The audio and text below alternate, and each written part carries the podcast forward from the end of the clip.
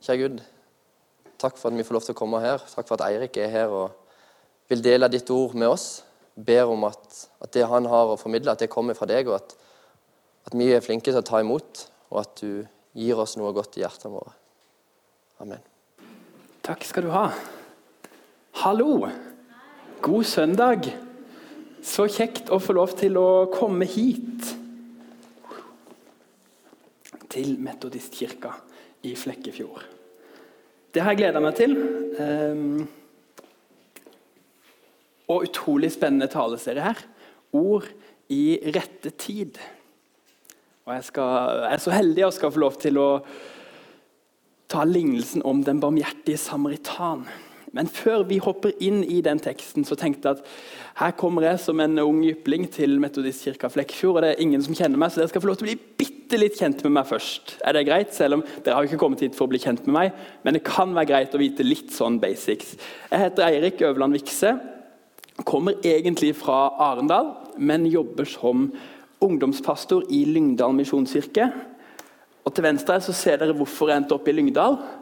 Det er Ine, kona mi, og sammen har vi Otilie på to år og Joel på et halvt år.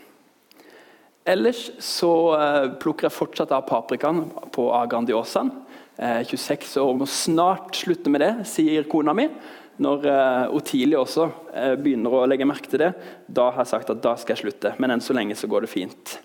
Um, og det er egentlig det viktigste om meg. Ja. Så nok om meg. Vi går til teksten 'Den barmhjertige samaritan', og vi leser i Jesu navn. Da sto en lovkyndig fram og ville sette Jesus på prøve. 'Mester', sa han, 'hva skal jeg gjøre for å arve evig liv?' 'Hva står skrevet i loven?' sa Jesus. 'Hvordan leser du?' Han svarte, 'Du skal elske Herren din Gud' av hele ditt hjerte og av hele din sjel og av all din kraft og av all din forstand, og de neste som deg selv. Da sa Jesus, du svarte rett. Gjør det, så skal du leve. Men han ville rettferdiggjøre seg selv og spurte Jesus, hvem er så min neste?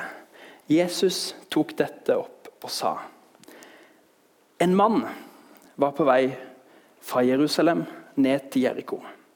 Da falt han i hendene på røvere. De rev klærne av ham, skamslo ham og lot ham ligge der halvdød. Nå traff det seg slik at en prest kom samme vei. Han så ham, men gikk utenom og forbi. Det samme gjorde en levitt. Han kom, så mannen og gikk rett forbi. Men en samaritan som var på reise, kom også dit hvor han lå.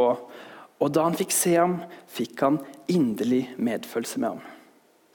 Han gikk bort til ham, helte olje og vin på sårene hans og forbandt dem.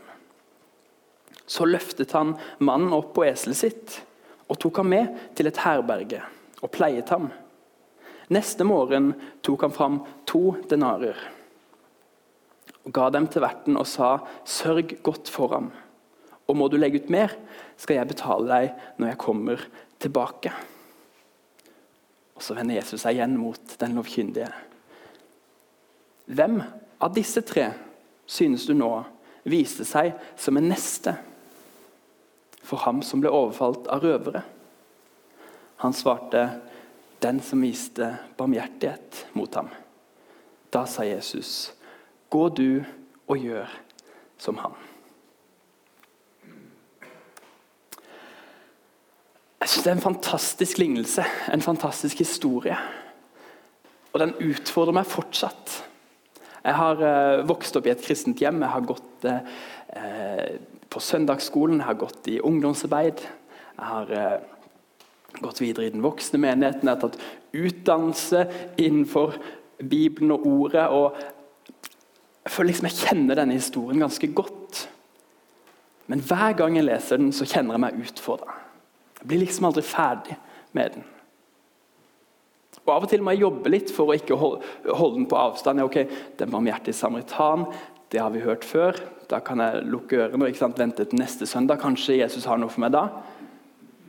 Men nei, jeg tror Jesus har noe for oss i dag.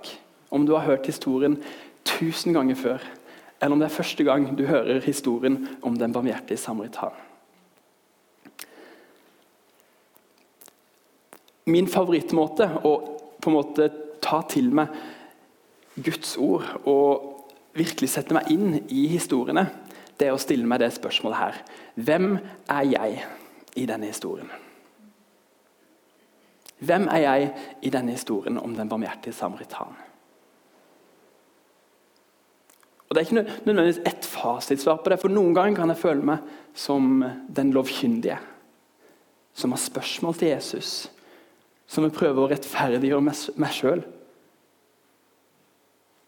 Jeg synes Det er interessant det første spørsmålet den lovkyndige stiller. Hva skal jeg gjøre? Hva skal jeg gjøre for å arve evig liv? Som om det er noe vi kan gjøre. Så svarer Jesus at det er rett som du sier, at du skal elske Gud av hele ditt hjerte, og du skal elske de neste som deg selv. Men så vet Jesus at det er ikke mulig for oss i vår egen kraft. Av og til kan jeg føle meg som den lovkyndige. Og Så vender jeg meg mot Jesus og så sier jeg, ser du alt det bra jeg gjør, Jesus? Se alt jeg har gjort. Jeg har vært så flink og jobba godt. og Tatt meg tid til å prate med ungdommene i Misjonskirka. Ser du alt det jeg gjør? Og så prøver jeg på en måte å rettferdiggjøre meg sjøl. Og så vet jeg innerst inne at i meg sjøl så vil jeg aldri være nok. Andre ganger så kan jeg føle meg som presten. Og jeg ser for meg at presten, i likhet med Svein Tore, han hadde litt dårlig tid. Ikke sant?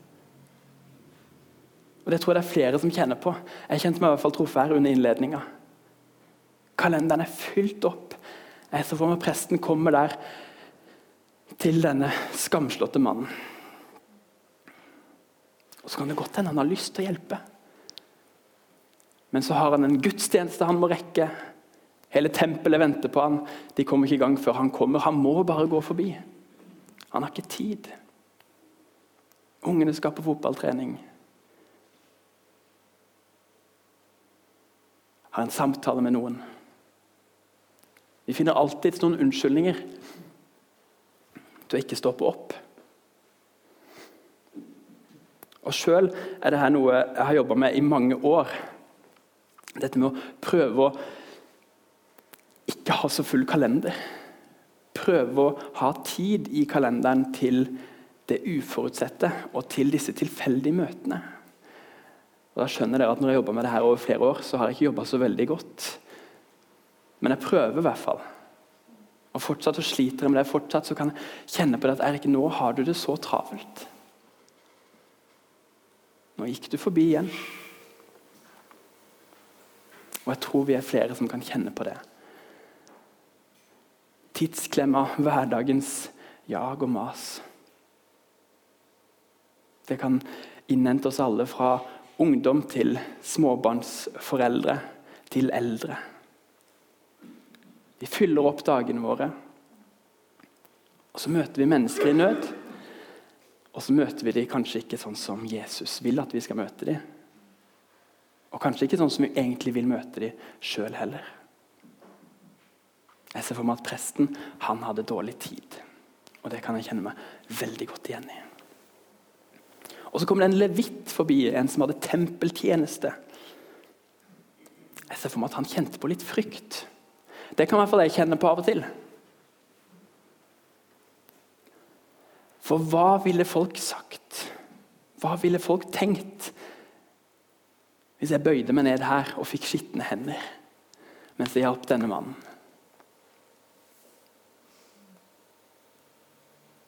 Levitten han hadde sikkert strevd hele livet for å på en måte klatre i gradene i tempelet.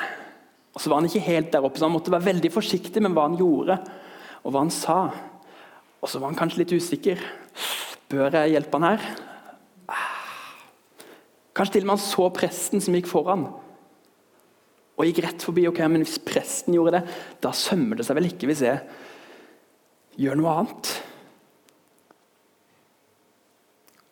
Og så er vi redde for hva folk tror og tenker om oss. Eller kanskje er han redd for Og Dette er nok en frykt mange kan kjenne seg igjen i. Kanskje var han redd for at det han hadde å tilby, ikke var godt nok. Ja, men det er ikke noe jeg kan gjøre uansett.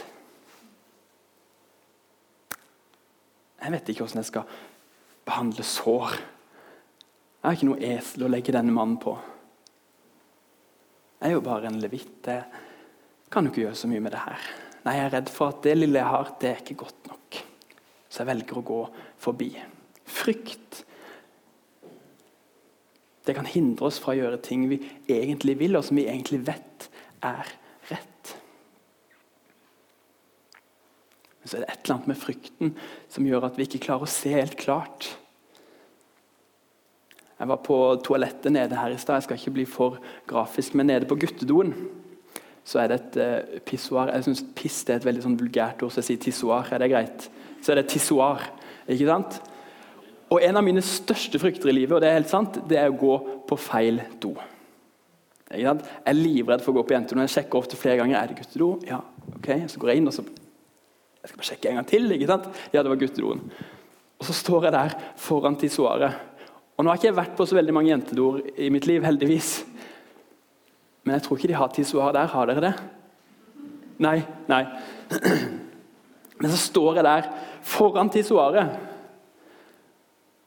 Og så kan jeg likevel kjenne på en sånn frykt. Gikk jeg på riktig do, egentlig? Det er akkurat som at hjernen henger ikke med, for frykten tar over. Og så tenker jeg ikke klart. Og så er det et veldig sånn banalt eksempel, og, og litt ekkelt, syns sikkert noen. Men jeg tror det kan være sånn med frykt av og til at vi klarer ikke helt å tenke klart. Det stenger for logikken i hjernen vår. For hvem hadde vel brydd seg negativt om denne levitten hadde bøyd seg ned og hjulpet denne mannen? Det er vel ingen som hadde sett stygt på han. Men så er vi litt redde likevel. Eller er det egentlig sånn at du ikke har noe å tilby? Nei, vi vet jo innerst inne at det er jo ikke det. Men så er vi litt redde for det likevel. Er det godt nok? Er det godt nok det lille jeg har i møte med mennesker i nød? Svaret det er ja.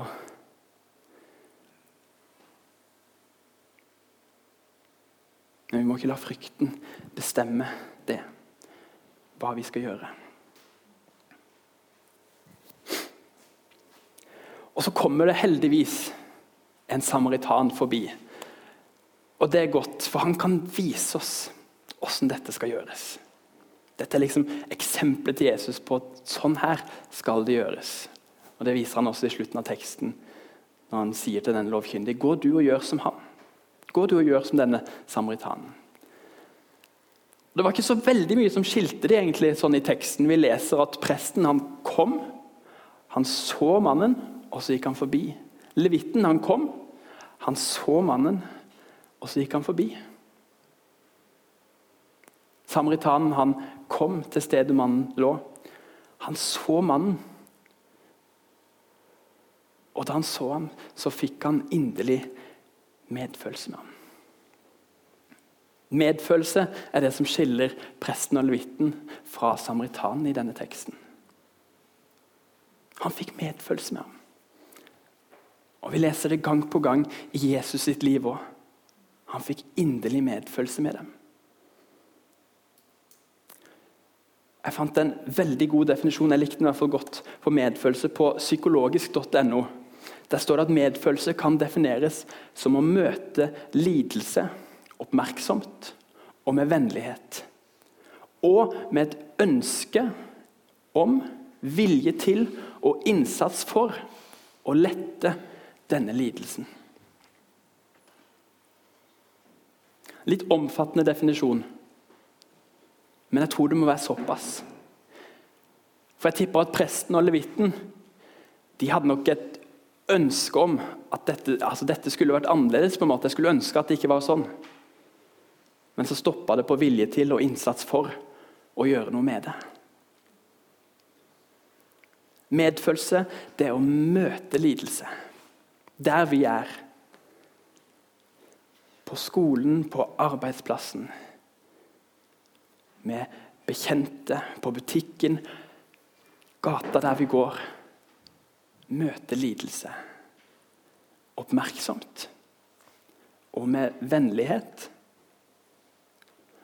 Og med et ønske om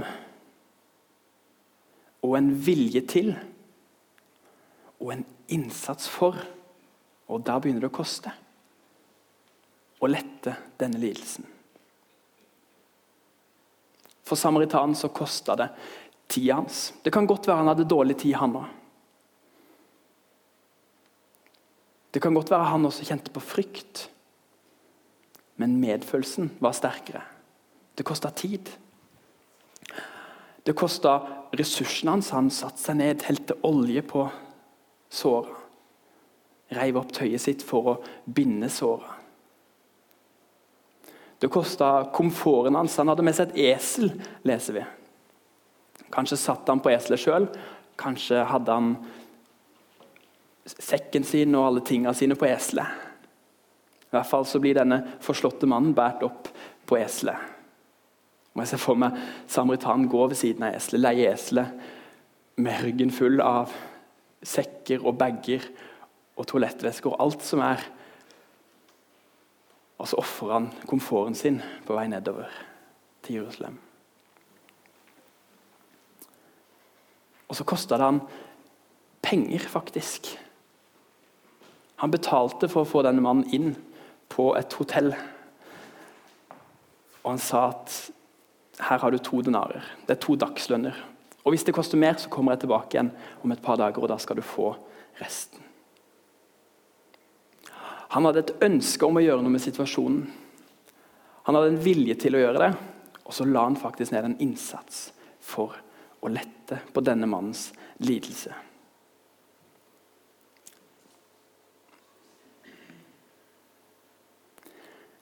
Jeg kan veldig ofte kjenne meg igjen i den lovkyndige. Som prøver å rettferdiggjøre seg sjøl, som prøver å nå opp sjøl. Og så kan jeg av og til kjenne meg igjen i presten og tidsklemma. Jeg har ikke tid. Det er så mye som skjer. Det er så mye på jobben. Det er travelt å være tobarnsfar. Jeg har ikke tid. Og så kan jeg kjenne meg igjen i levitten og frykten. Jeg bryr meg litt for ofte om hva folk tenker om meg. Og Av og til så tenker jeg at jeg har ikke så mye å komme med sjøl. Hva skal jeg gjøre da? Nei, det er bedre hvis noen andre gjør det. Men aller oftest, aller, aller oftest, så kjenner jeg meg igjen i denne forslåtte mannen. Knust i min egen synd, i min egen svakhet. Klarer ikke å reise meg sjøl. Fikser ikke livet aleine. Og så er Jesus min samaritan. Og så er Jesus der for meg. Og så er Jesus der for deg. Når du har falt, når du kjenner på svakhet og fortvilelse og synd Når du ikke får livet helt til, når du ikke klarer å gå lenger, så er Jesus der. Jeg tror på en Gud som har sendt sin sønn for å gå forbi på samme vei som oss. Og han plukker med seg alle som vil.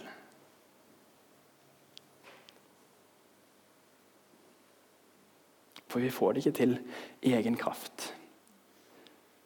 Uansett hvor mye vi prøver. Så gjelder det bare å innse at vi er mennesker, og Gud er Gud. Og så kan vi takke og prise for at han ville gå forbi, og for at han stoppa opp og ville ha med oss på veien videre. Og Så får vi lov til å fortsette, fordi han har vist oss inderlig medfølelse. Han føler med oss. Han så lidelsen i verden. Og så hadde han et ønske om å gjøre noe med det. Og så hadde han vilje til å gjøre noe med det. Og så har han lagt ned verdens største innsats idet han døde på korset for oss. For at vi kan få lov til å bli med han på veien videre herfra mot evigheten. Halleluja. Takk. Jeg tror vi avslutter der. Jeg skal be. Kjære himmelske Far, takk for at du har medfølelse med oss, og hjelper oss å ha medfølelse med andre. Jesus, du ser at vi kan føle oss som både lovkyndige, som prøver å rettferdiggjøre oss sjøl. Vi kan føle oss som prester og levitter. Vi kan ha dårlig tid, vi kan være redde, vi kan ha alle de unnskyldningene vi måtte trenge. Men hjelp oss til å ha medfølelse for andre. La medfølelsen være sterkere enn unnskyldningene våre til å ikke stoppe opp. Hjelp oss til å møte lidelsen i verden, lidelsen i nabolaget, lidelsene her i Flekkefjord, med din medfølelse. Og så takker vi deg, Jesus, for at hver gang vi faller, hver gang vi ikke strekker til, hver gang vi ikke får det til, så er du der. Med dine sterke armer, og du løfter oss opp og bærer oss videre, Jesus. Bare be deg, Jesus. Takker deg for det. Takk for alt du har gjort for oss. Den innsatsen du la ned for at vi skulle gå på veien sammen med deg. Takker og priser deg for det. Amen.